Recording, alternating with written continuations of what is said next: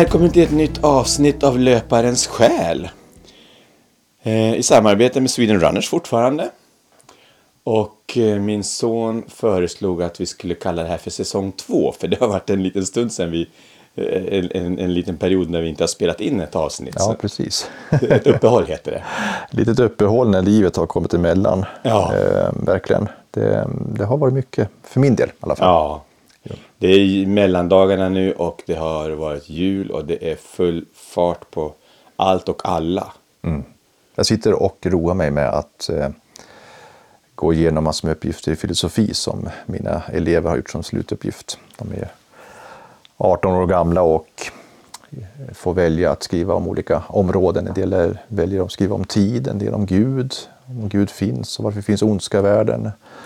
Men eh, lejonparten har skrivit om eh, vad är meningen med livet? Vilket är en ganska intressant fråga när man är 18 år gammal tycker jag. Ja, oh ja. jag tänkte fråga dig, vad, kan de, vad, vad lär de dig för något? För de lär dig en De lär mig del. ganska mycket och de gör själva insikter också, vilket jag tror vi alla behöver göra ibland också. Ja, men, eh, man laborerar ju om det finns en objektiv mening eller om det kanske bara är en subjektiv mening, det vill säga att vi, vi skapar vår egen mening medan då kanske religionerna presenterar en annan sorts mening.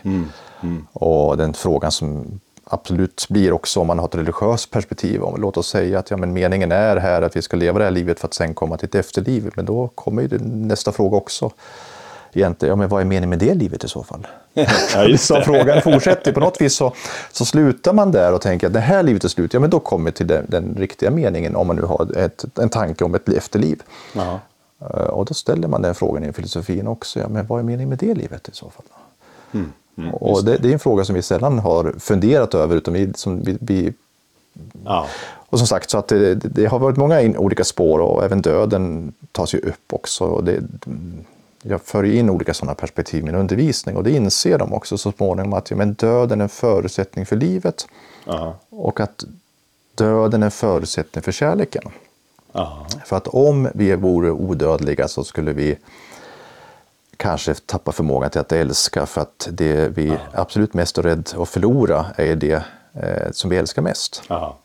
Och skulle jag aldrig kunna förlora min partner eller mina barn eller någon som står mig nära så skulle nog inte kärleken vara lika stor för de skulle alltid finnas där. Ja. Ta dem för givet. Jag brukar, eller jag tittade en gång på den här gamla 90-tals filmserien The Highlander. Ja, just det. Mm. Där han är ju odödlig och lever genom många generationer och många äktenskap och, och, och så. Och jag tycker den, du är inne på den, den, det spåret, liksom, det är tankeväckande. Han, han älskar ju, for, den ena Sean Connery eh, sörjer fortfarande den eh, japanska prinsessan han var gift med på 1100-talet. För det var hans stora kärlek och sen har han varit gift många gånger så här, men han kommer alltid att komma ihåg henne för att det var det. Och sen har han inte kunnat upprepa den där relationen igen. Nej. Och det är lite intressant för det är ju, så funkar vi människor i vårt ändliga liv också. Att Ja. man, det, är det som det är de första gångerna eller de, det, det tenderar vi att värdesätta högt Ja. av någon anledning.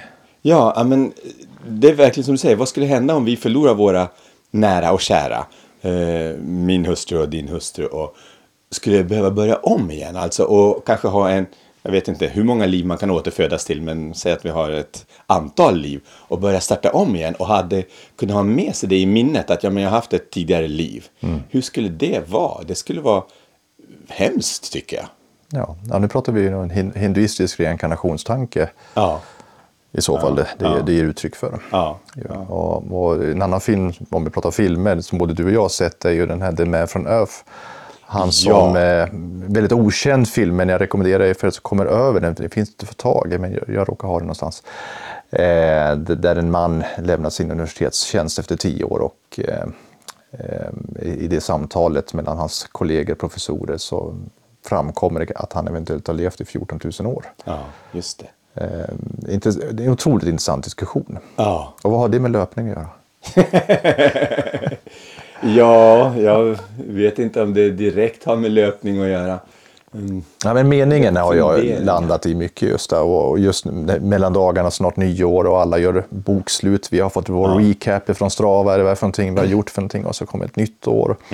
eh, det här cirkeltänkandet, att ja, men all tiden går i cirklar på något vis och vi får chans att göra en nystart. Mm, mm. Eh, vad, vad, gör det med oss för någonting? Och är det en, enbart positivt eller finns det någonting som... Nej, jag skulle tycka, alltså, ja, du menar den cirkulära tideräkningen? Ja, och det här med att vi, ja, men att vi börjar om, eller är det ja. enbart positivt? Jag vet inte om du har funderat över den frågan? Alltså, jag tänker egentligen på det att väldigt många människor och hela samhället egentligen hela tiden lever i en framtid. Vi har hela tiden våra drömmar framåt, våra mål framåt och, och vi lever aldrig här och nu. Och det har kanske inte riktigt med det cirkulära tänkandet att göra. Eh, utan det, men det är lite än så jag också lever. Ja, det har väl kan jag tycka i viss mån med tanke på att ja, men nästa år så ska jag göra mer. Jag ska vara, och då ta löpning, jag ska göra, springa fler mil. Vi kan ju, vi kan ju mäta allt sånt också. Ja. Nästa år ska jag springa 200 mil istället för 150 jag fick till i år. Och, ja. och, och Ja. Så att visst finns det det. För jag har tänkt på det som en linjär sak. Man, man springer efter den här moroten som hänger i en pinne framför en. Ja. Eh, linjärt. Att man hela tiden lever i en framtid. Då ska det bli bra. Då ska det bli roligt. Då blir det kul. Och därmed tappar man väldigt mycket av nutiden. Av mm. den upplevda tiden man är just då. Så lever inte jag. Nej, Faktiskt. Nej, jag gör verkligen inte det. Utan, men jag tror att det är ju, kanske vi nämnt förut, någon sorts Herakleitos eh, insikt i, när han säger att ja, men, eh, framtiden finns inte framför oss utan framtiden kommer. Ja. Eh, och det säger han i samband med att han har gått ner i en flod och så på samma ja. sätt som vattnet då passerar, det kommer bakifrån och det passerar mig och då är det framtiden där och så försvinner det i framtiden. Jag kanske har nämnt det förut också. Ja. Jag tycker det är ett fint perspektiv. Istället för att jaga efter någonting som kommer så kan man slappna av och känna att ja, men det, alltså någonting som är framför oss, så kan man slappna av och känna att ja, men det kommer istället. Framtiden kommer och den, mm. den är här nu. Ja, men nu är framtiden här och så passerar den någonstans längre bort som inte jag når. Det där var intressant. För jag tänkte att om man resonerar på det sättet så befinner man sig i stagnation. Mm, på vilket sätt då? Eh, om man inte själv strävar framåt och uppåt. Mm. För det är det jag menar att samhället gör. Alla politiska löften är om framtiden. Det finns ingen som säger att rösta på oss, titta vad bra vi har gjort hittills. Nej, eh, jag tror samtidigt också vi skapar vår framtid på något vis. Det gör vi givetvis också. Och ja. om, jag, om jag bara sitter och väntar att någonting ska hända, då händer ingenting. Jag måste Nej. klart vara aktiv också. Jag måste vara på platser, jag måste utmana mig själv. Men jag tänker också att ja, men då kommer... Jag ser det ändå inte som att det är dit jag ska någonstans. Utan det, det, det det finns ju en strävan. Jag har ju mål med mitt liv. Jag har ju mål med att jag, nästa sommar ska jag göra klart det också. Men jag ser det inte som ett framtids... Utan jag tänker att det kommer, det kommer så småningom. Mm. Istället för att tänka att jag är på väg dit och rusar och stressar och jagar. För, det. för att på, på resans gång så kommer det också hända saker som gör att saker och ting förändras. Och den framtiden har vi inte kontroll på. Nej. Och det är den som kommer. Ja. Det var en intressant tanke. För, um, ja. Så då kämpar du inte framåt egentligen, utan du bara inväntar tidsförloppet. Alltså, det är ju, vi hade ju förhoppning, vi vill ju gärna tro att vi på något vis kan påverka vår framtid och det kan vi kanske i viss mån göra med de val vi gör, den träning vi lägger upp för att kunna nå dit. Men sen händer saker. Mm. Och, och, det kan också vara, om, om vi tar din, din terminologi, liknande någon sorts försvarsmekanism och liknande, att ja, men jag ska inte behöva bli helt förstörd om det är så att någonting förändras drastiskt med den plan jag egentligen hade, utan då får jag bara acceptera det i så fall, någon sorts acceptans där. Ja. Men för mig så är det ingen försvarsmekanism, utan jag tycker det, jag vilar i det här. Alltså jag fortsätter träna, liksom att ja, men det är klart jag ska ut och springa och jag ser fram emot en tävling så småningom. Men det är inte så att det, jag, jag jagar inte mot det. Ja, okay. Det låter väldigt rofyllt. Ja, jag försöker och, och då blir jag inte så bestört heller när det inte blir som man tänkt sig. Utan, mm. Sen tror jag inte, jag brukar säga att tur är ju ingenting man, det finns inte för mig. Nej. Tur är någonting man förtjänar. Ja.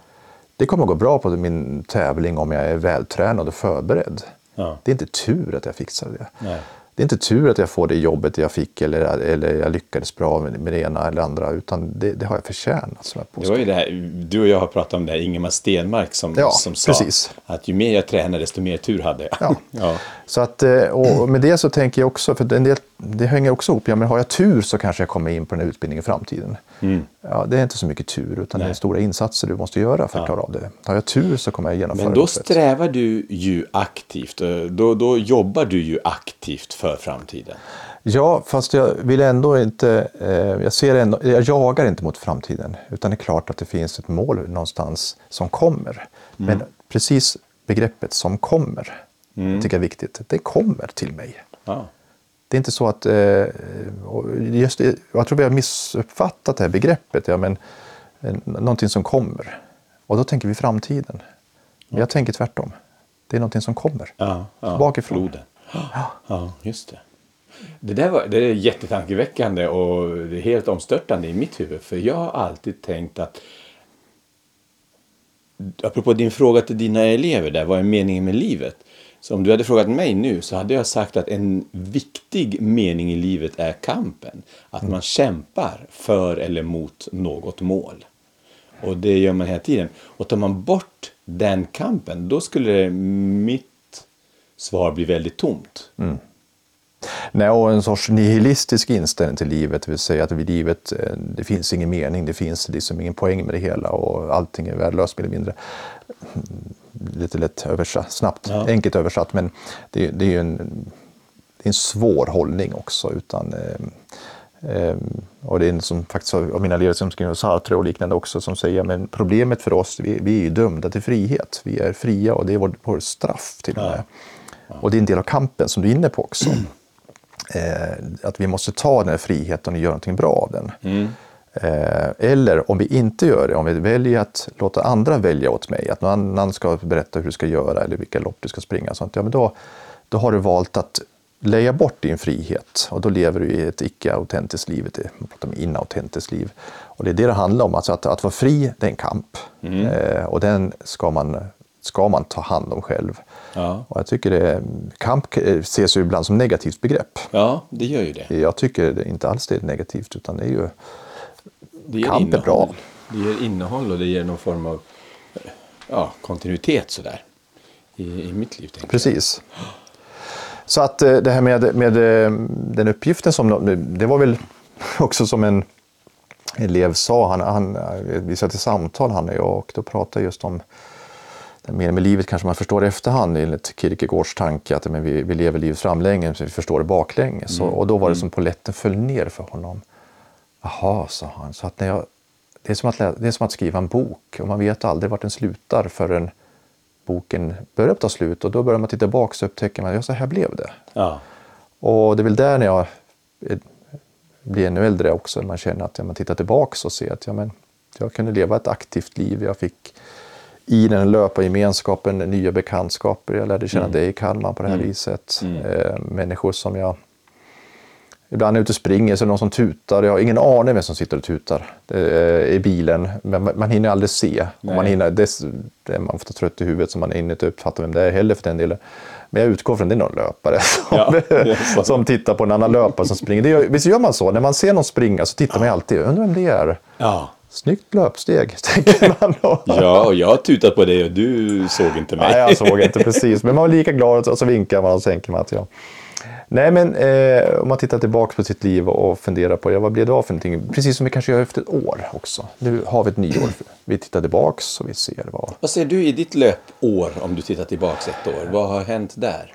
Ja, inte mycket i det här året kan jag tycka. Nej, det är, jag ser det fortfarande som covidår. Eh, Jag fick ju covid och det, det slog ner en fjärdedel av året var det förstört. På det. Och sen så uppbyggnadsperioden efteråt tyckte jag tog för lång tid också. Så att, eh, eh, Du har ju varit lagledare för VM. ja, ja, precis. Du har ju Det- gjort nya bekantskaper. Ja. Jo, men absolut inte bara negativt. Nej. nej. Det är det inte, utan eh, nej, VM var roligt. Och det är ju flera av dem som var med i VM har jag lärt känna också nu efterhand. Och så. Det, är- det, visst är det så att eh, vissa dörrar öppnas. Och, Men löpmässigt tycker du inte att du har utvecklats nämnvärt? Ja, men jag börjar... Eh, jag harvar på och jag tycker om att harva på. Alltså jag, det, det, det viktiga är att komma ut och få, få bara vara ute. Jag har kört varenda dag när det var 18-20 grader kallt. Och, och tycker att det är, det är häftigt att man kan komma ut och springa en och en halv mil i den kylan och kroppen klarar av det. Och, eh, sen ser man ut som en tomte när man kommer hem på grund av allt skägget har frusit. Men det, det funkar det också. Men visst är det märkligt att det, att det funkar? Ja, jag är så glad att jag inte har ett löpband. Jag, borde, jag förstår att det måste vara väldigt skönt att köra löpband, men samtidigt är jag glad att jag inte har det för att jag har tvingats Jag har ofta ut. funderat på, jag, jag önskar att det skulle bli så här riktigt extrem kyla. 30 och, och fler minusgrader. För att pröva på hur det känns att springa i de riktiga. Det kallaste jag sprungit är 26 minus och det gick bra. Jag har också varit där omkring och så, och det har funkat. Ja, och det funkar.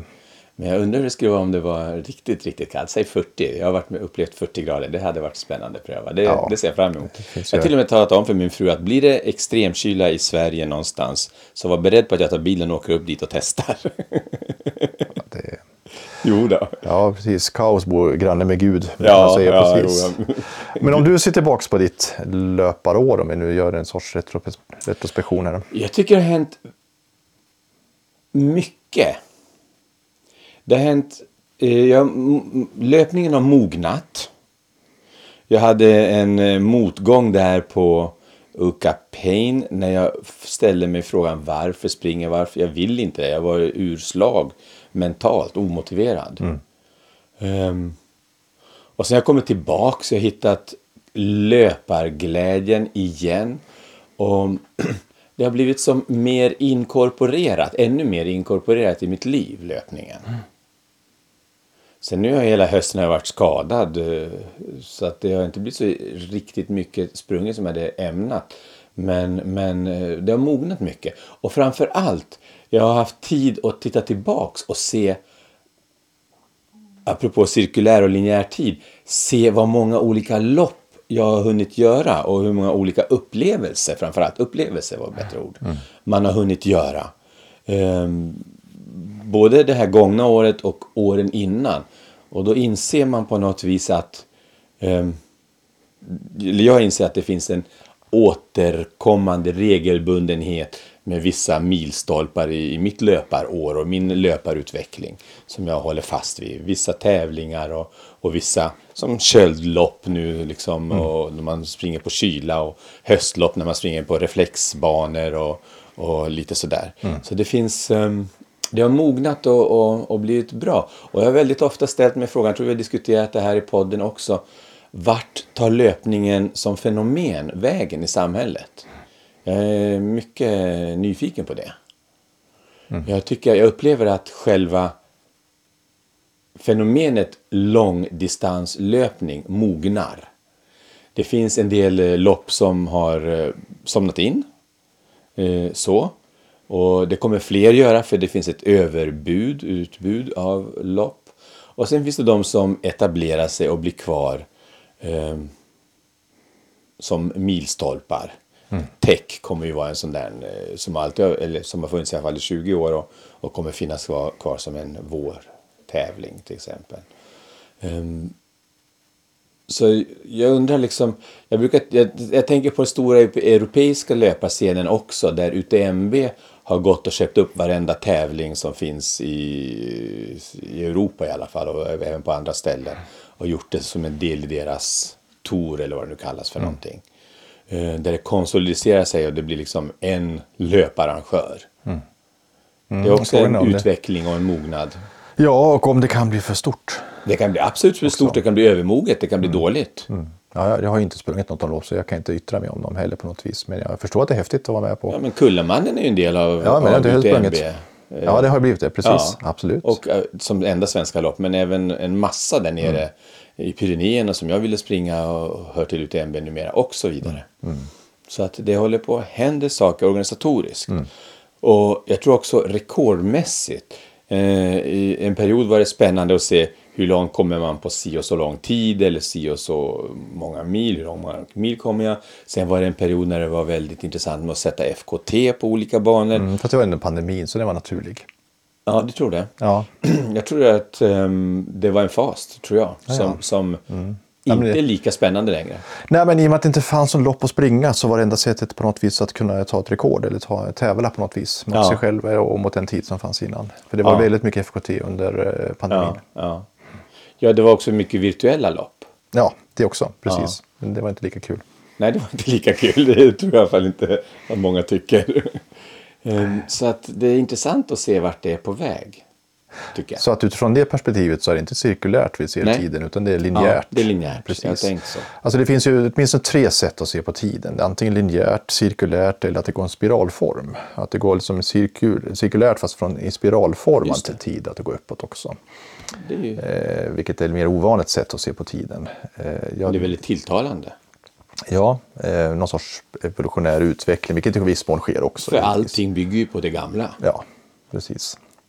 Men, Mm. men eh, jag tror att vi är ju, även fast vi kanske tänker att vi är mm, linjärt orienterade så är vi, vårt samhälle bygger på ett cirkulärt sätt kan jag tycka i hög grad. Det vill säga nyåret som kommer, vi pratade om kyrkoår tidigare innan vi satte Ja. på mikrofonerna här, det är ju också ett Ja. eh, cirkulärt tänk. Eh, såväl som samsara, eviga kretsloppet som Ja. går runt. Som vi ser Det var ju det totalt dominerande sättet att se det i det agrara samhället. Och i det förindustriella samhället. Så var det allting cirkulärt mätt. Mm. Och jag tror att det på något vis så är nödvändigt. Vi måste ha ett av som ett eh, avbrott i tiden eller på något vis kunna börja om för att kunna jämföra helt enkelt. Och det, det ser vi ju. Jag har ju efter sista året har jag ju sett, alltså man kan ju få så sagt mycket data på i Strava och sånt. Och jag ser ju liksom att mina, eh, på den nivå jag ligger nu, det ligger sjukt lågt i förhållande till lågt för ett år sedan. I mängd. Ja, inte bara mängd utan även också i sådana här um, index som kan gå. Uh, så att jag Ja. låg över, över 200, nu ligger jag på 75 nu. Liksom, och, eh, Jag vet inte exakt vad det är för index, men i vilket fall så märker jag att... att eh, och, och då är det väl... Eh, där ser jag för sig det mer linjärt att ja, men jag, vill, jag vill försöka komma upp igen. Som sagt, jag får liksom inte ge upp. Kampen är viktig här också. Men eh, det är ju samtidigt tacksamt när man får ett nyår och så känner man att på första januari Ja. då har jag en ny Radera det gamla och börja om. då kan jag börja och då kan jag påbörja min eh, resa för att kanske nå nya höjder. Precis som, det, det, det, och jag ska inte påstå att i mitt fall handlar det inte om nyårslöfte. Eh, utan Nej. det handlar om ett, eh, ja, men en ny start snarare. Framtidstro. Ja, det får man hoppas att man har. Ja. Tills man nog blir sjuk eller liknande. Det är ju något sånt som händer. Ja. Eh, och så spolieras eh, planen. Ja. Och det är de här motgångarna man måste hantera också. Det är ju, det är ju, vi har pratat om gym också tidigare. Det är jättemånga som har signat upp sig på gym efter nyår. Ja. Och så försvinner man efter några gånger. Ja. Eh, och det är det som är en del av affärsplan givetvis också. Eh, jag tror vad det gäller ultralöpare så då, då, då, då väntar man bara ut eh, sitt avbräck Ja. för att sen komma igång igen. För Man att man är mer långsiktig menar du? Ja, jag tror att man... Jag, jag, jag, det tror jag är lite skillnad från en, om låt oss säga en vanlig löpare Mm. eh, som har börjat och som inte fått in, kommit över tröskeln heller riktigt. Jag tror att alla ultralöpare har kommit över tröskeln. Mm. Det är det som är grejen med ultralöpning. Ja, jag tror att det finns en kvalitativ skillnad.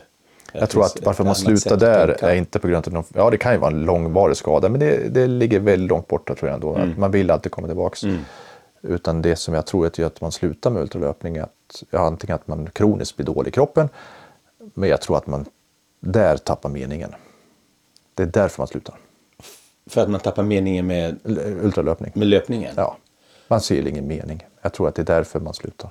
Ah, Okej. Det, åter tillbaks, vad är meningen med våra liv? Det är mycket större Ja. än så, men vad är meningen med ultralöpningen? Intressant. Och den måste man upprätthålla. För vi har ju sett många bekanta som har fallit ifrån på grund av kroppsliga. Mm. eh, Men jag vet inte så många som har fallit ifrån mm, direkt på grund av att de tappar motivationen. Finns, har, har du sådana? Ja, men jag vet om några stycken och, och det talar man kanske inte lika, Det är nästan lättare att att ha, säga att... Om man skyller på det. Eller skyller, utan kroppen kan ju lägga av helt enkelt. Det behöver inte vara Mm. att man urskuldar sig utan det kan ju vara helt enkelt så att det inte är möjligt. Men det är svårare att prata om att man tappar motivationen. Ja. Eh, Eller hitta nya sociala sammanhang som gör samma sak som man kanske gjorde i, fick i ultragemenskapen. För i grund och botten handlar det mycket om gemenskap också, inte bara ett individuellt projekt. Nej, absolut. Det, det, det är väldigt socialt, det har vi sagt. Men du tror det? Alltså, Det var, jag, är kvar vid tanken på att man tappar meningen. Med Det, det det är de två skäl jag kan se. Antingen att Ja. kroppen säger nej eller att man tappar meningen. Ja. Kroppen säger nej om man inte kan springa, men det är, ska gå väldigt långt för att de flesta kroppar går att röra på. Även om man har artros eller ont eller inte kondition eller någonting så går det ju. Ehm, och det är klart att man kan bli förlamad, få en stroke eller få ryggbesvär, något som hindrar en. Men, men, det, men det, det, det, där händer det. Men motivationsmässigt, ja, det var intressant. För jag, trodde, eller jag tänker att de flesta som har kommit över den här tröskeln befinner sig i en sån eh, mental tillstånd att man inte lätt tappar det. Inte lätt, det tror jag inte, men, men att man... För att jag frågar mig ibland, jag kommer jag hålla på med det jämt? Jag har ingen aning. Och jag är helt övertygad om att jag alltid kommer springa. Ja, ja. Spännande. ja utan för att jag, vet, jag, jag väntar på vad som kommer. Jo, jo. Och, och det kan hända att man gör annat också, men mm, okej, så du vet inte. Nej, inte mycket jag vet å andra sidan heller för den delen. Så att, eh, Vad är kunskap?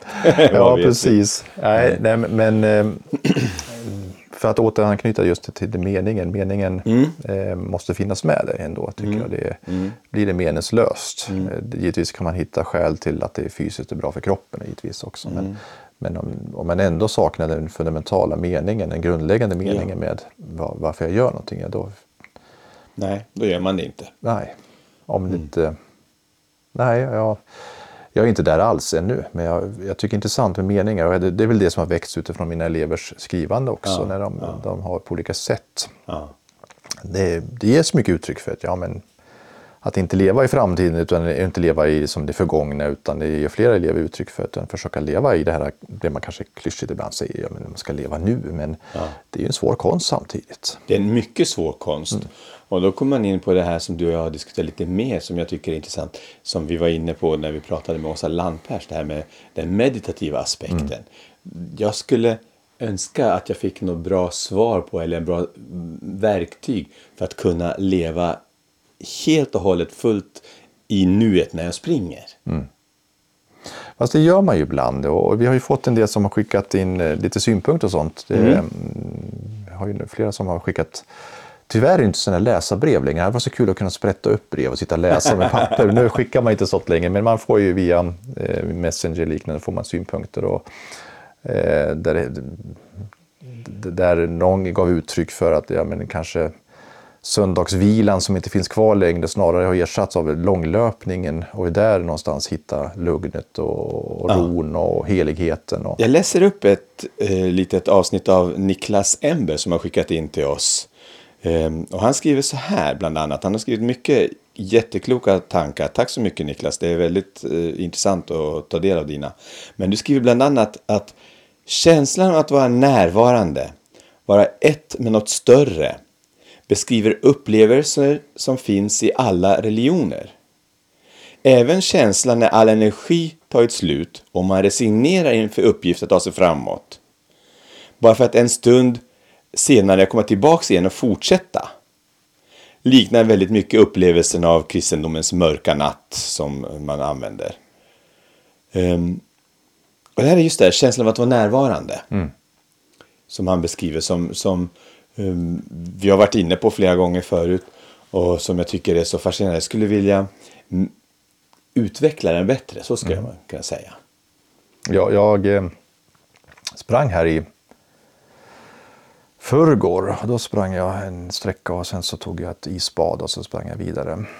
Här, eh, och det låter ju, isbad är ju så, fortfarande tror jag lite poppis, men jag vet inte. Men, men eh, där, där händer ju någonting i kroppen alltså, Ja.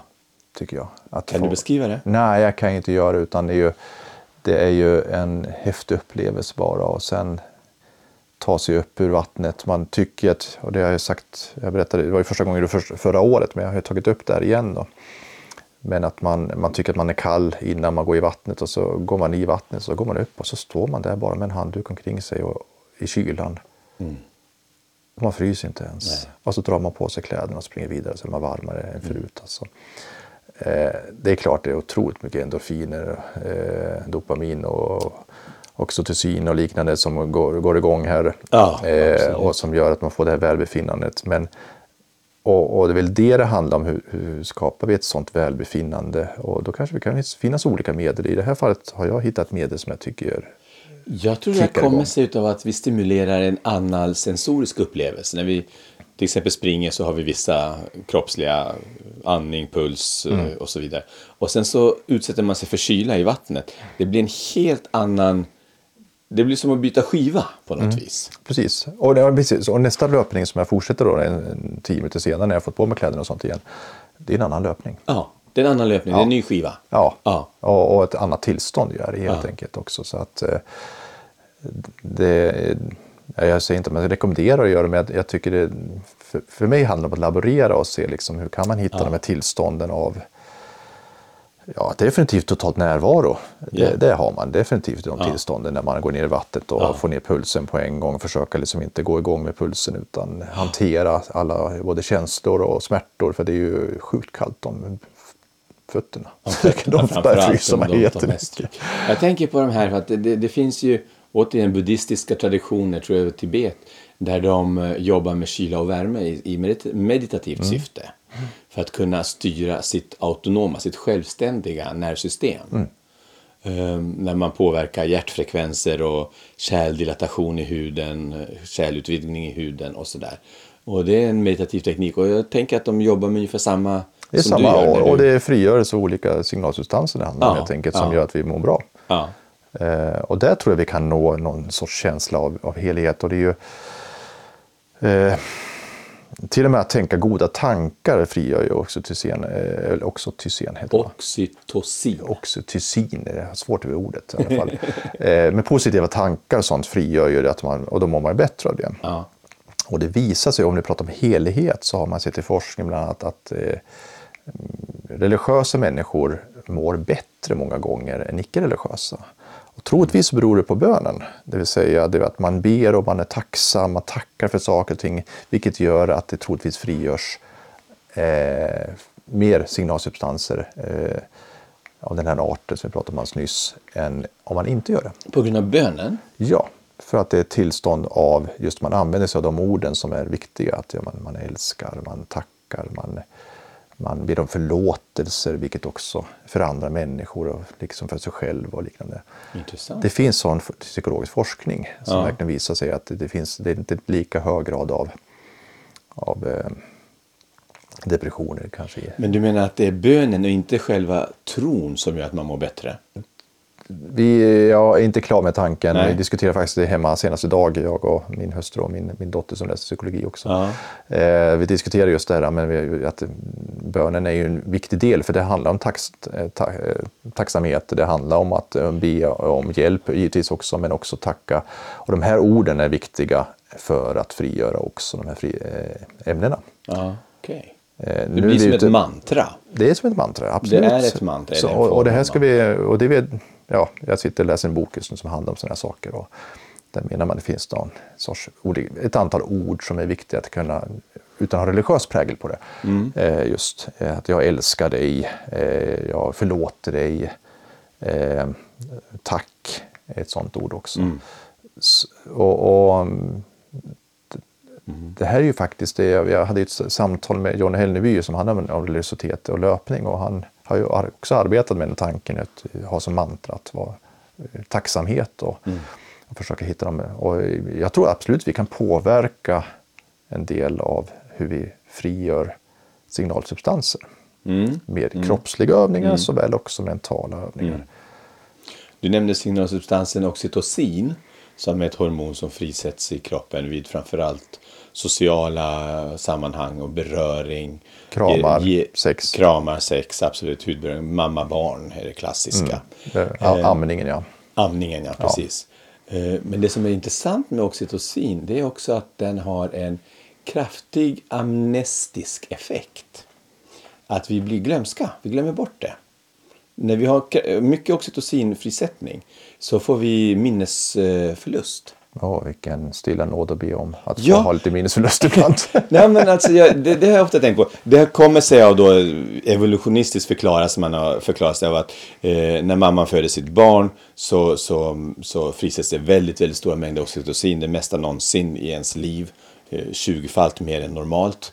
Och ehm, det är för att man ska kunna våga föda ett barn en Ja, gång till. ja, Eh, det för att låter inte ska- rimligt. eh, så att man inte blir avskräckt. Man glömmer hur, hur hemskt det var. Mm. Ehm, och jag har ofta tänkt på det i löpning. Att eh, vi har varit inne på det här. Ibland när jag kommer i mål. Så jag försöker känna efter vad jag har för känsla. Och jag känner mig bara. Inte särskilt mycket känslor alls kvar. Utan jag känner mig lite tom i huvudet. Eh, nästan som bomull ibland sådär. Eh, rent känslomässigt. Och det har jag tänkt har varit kanske den där effekten lite grann. Att man är lite avtrubbad på ett plan. Eller kanske bara tömd på, på känslor, jag vet inte. Ehm, och jag vet inte vad jag skulle säga med det här, men det är intressant. eh, Apropå eh, hormoner, apropå mantran. Ja, det var något jag tänkte med det. Ja, men sen vet vi också om, om vi på något vis har en, någon positiva orden i sig så mår man ju bättre av det också. Ja. Än om man hela tiden springer med ilska i huvudet och, Ja. och, och maler på och arg och liknande. Det, Orden formar oss. Orden gör Absolut. väldigt mycket. Visst, och där har vi också en frihet att välja eh, vilken väg vi vill gå i hög grad, om vi orkar göra det också. Men Där måste man ha verktygen för det. Men jag tycker som sagt det här med att om vi går till, återgår till andligheten eller heligheten liknande så tror jag att man kan absolut uppnå den under löpning eh, på olika sätt. Men tror man, Religiös upplevelse. ja, eller att man, att jag tror att man måste träna på det. Ja, ja. Vad är ur religiös synpunkt, du som är lite beläst på det här området, vad är frälsning? Eller, ja, frälsning, att jag blivit frälst. Vad, vad, vad innebär det? Ja, det är, to- om man, enkla modellen det är ju någon sorts överlåtelse helt och hållet till, till i det här fallet Jesus. Eh, och, och att, att man ser sig själv som den människa man är. Eh, ofta tidigare har man pratat om en syndig människa också, men det, de begreppen har man börjat tona ner. Vilket jag kan tycka är positivt. Men också just att eh, jag har så fått en insikt i att jag delar någonting större och att det finns en, ett gudom, något gudomligt som ser mig, som har, har Det är insikt i något större. Ja, absolut. Och man, man eh, och hänge sig helt och hållet då till, till den uppfattningen att det finns en, en, en människa som tagit på sig alla, eh, alltså Jesus då har tagit på sig alla människornas synder och de kan vi, fri, de kan vi släppa på, på Gud. Eh, För jag skulle kunna säga, de här orden du använder, Ja. det skulle jag kunna tillämpa på, på, på min löpning. Jag kan hänge mig helt och hållet åt löpningen. Jag är i ett större sammanhang. Eh, Det ger mitt liv ett, ett övergripande perspektiv på många sätt. Jag överlåter mig inte, det var det som skilde från det du sa. Men, men i de andra orden så, så tycker jag att eh, det skulle kunna tillämpas på till exempel löpning också. Är det så? Ja, det kan man säkert göra. Och visst, vi, det är en sorts privatreligiös tolkning av eh, de, ja, vi är ju mer och mer sekulariserade men samtidigt är vi mer och mer privatreligiösa. Ja. Och det, det är absolut möjligt att finna andlighet och helighet i löpningen. Eh, men jag tror att vi inte gör det på löpbandet i lika hög grad som ute i naturen. Nej. Nej, Det, precis. det tror jag är väldigt svårt för att då, är det, då, då blir det ett fokus på sin egen kropp och jag tror att det, det krävs mer intryck, mer sinnesintryck för att vi ska kunna vara del i helheten. Och där ser du något väldigt viktigt vi, eh, ute i naturen sa du. Eh, väldigt många, inklusive mig själv, upplever att man får någon, my, någon ytterligare aspekt på livet eller på löpningen ute i markerna. Jämfört med på ett löpband eller på en eh, sportfält. Ja, precis. En varvbana liknande. Varvbana. Det är inte så kul inte. Nej. Ehm, och det där har jag ofta funderat på. Ehm, New Age-rörelsen var väldigt inne på att det finns, eh, och det, även säkert andra förstås, och att det finns liksom eh, energirika platser som kan ge energi ute i skog och mark. Och det har jag ofta tänkt på för att jag, jag är långt ifrån särskilt flummig på det men jag kan uppleva att det finns områden som verkligen tankar eh, välmående helt enkelt. Ehm, och undrar vad det har stått för och, och det är det du är lite inne på också. Att naturen kan också bidra till den här upplevelsen, den här energipåfyllnaden. Ja, precis. Även fast jag inte delar uppfattningen om att det är vissa speciella platser som har mer energi. Utan jag tror att den energin är högst subjektiv. Vart man finner den och vart man ser den och var man Du tror det? fyller på. Ja, det tror jag nog. Eh, Din uppfattning om vad som är otroligt vacker natur kanske inte stämmer överens med min uppfattning. Men du tror inte att de flesta skulle tycka att en fjälltopp var snyggare än ett industriområde? Eller? Jo, absolut. Men då är det inte natur, det är industriområde. Nej, det var fel uttryck, men ett träsk. Nej, men visst är det så. Men ett träsk tror jag säkert en del skulle tycka tilltalar på ett annat sätt. Okej. Eh, Jag har ingen aning. Nej, men, men, men, men eh, jag, jag tror att vi, eh, vi appelleras av- till olika saker. Eller appellerar till. Men eh, eh, jag tror inte att det finns någon större energi i dem. Utan däremot så kanske det ger energi beroende på vad vi ser och vad det är för någonting. Eh, en del älskar kanske Ja, men det är som när man kommer till ett nytt ställe där man tycker att det är så vackert, här skulle vi vilja bo. Men har man bott där ett tag så ska man inte tycka det var så speciellt längre. Utan det är inte energin det handlar om, utan det är förändringen. Okej. Mm. Kontrasten. Det, det är något nytt, Mm. tror jag. Mm. Annars skulle aldrig människor bo alltid på ställen där det, man hela tiden fylldes av energi. Ja, just det. Ju. Om det fanns energiställen. Ja, du har ju feng shui som Ja. försöker bygga sådana ställen. Ja. Ja, ja, nej, det är intressant. Det är spännande. Nej, men jag ska ta med mig den här tankarna nästa gång ute och springer och fundera på hur ska man arbeta både mentalt, för det, alltså vi är kropp och själ, vi, vi, vi är två saker men, men de integrerar väldigt starkt med varandra. Hur ska man hitta just den här, den här känslan vi är ute efter, att känna att ja, men nu, nu är jag här och nu, men då kanske mm, lurarna ska ur öronen också. Inte matas med annat hela tiden eller fylla på med annat dopamin. Det är ju det vi gör hela tiden också. Vi ska inte, det räcker inte om vi ska springa och få intryck. Vi ska också lyssna på saker som, Ja. som kommer någon annanstans ifrån och, och, och, och så staplar vi de här dopaminkickarna på varandra på hög. Då. Precis. Istället för att ta dem en efter en eller längta efter att ja, men när jag kommer hem då kanske jag kan lyssna på det här Mm. istället. Eh, istället för att ta allting samtidigt. Mm. Jag vet inte. Ja. ja, det är en mäktig upplevelse att få vara med om. Jag hoppas att väldigt många får uppleva det. Ja, och det vore jättekul att höra om man, hur man upplever det i så fall. Ja, Om någon vill berätta det. ja gärna. Och det här kan- blir ju, det är ju ganska stökigt program det här vi pratar om just Ja. nu. Eh, Väldigt många spår, men å andra sidan kanske det det handlar om när man summerar ett år eller Ja, eh, vad, är, vad är meningen för dig? Och, och det kommer inte fram till heller riktigt, men vi är i alla fall överens om att framtiden ligger för dig framför dig och i mitt fall bakom mig. eh, vi är överens om att eh, i vi vårt fall så är, är tiden både är den linjär primärt, men vi ser de cirkulära eh, tendenserna vad gäller löparåret och sånt. I alla ja fall. så är det. Och vi är överens om också att eh, vi kommer fortsätta springa. Absolut. Mm. Den första januari då kör vi igång igen. Nu kör vi igång igen. En sista fråga, jag kan inte låta bli att fråga den. Har du några eh, visioner för nästa år? Jag har ett antal lopp som jag känner att de här vill jag genomföra, men sen får vi se om de kommer att bli utförda. Mm. Ehm, Just nu, så, nu är jag i en uppbyggnadsperiod. Mm. Där jag känner att nu ska jag bygga kroppen några, några månader har jag tänkt. Ja, För att, i bästa fall. Du då? Kul. Jag har börjat planera för en riktig långlöpning som jag ska göra om ett och ett halvt år. Över hela svenska fjällkedjan. Oj, Nu har jag bestämt att det ska jag ta steget till. spännande. Mycket spännande. Bra! Då får vi väl avsluta det här spretiga avsnittet med något mer konkret nästa gång. Det blir bra. Absolut, det gör vi. Tack allihop och vi önskar er ett gott nytt år och fortsätt springa. Framtiden är där. Tack. Hej. Hej.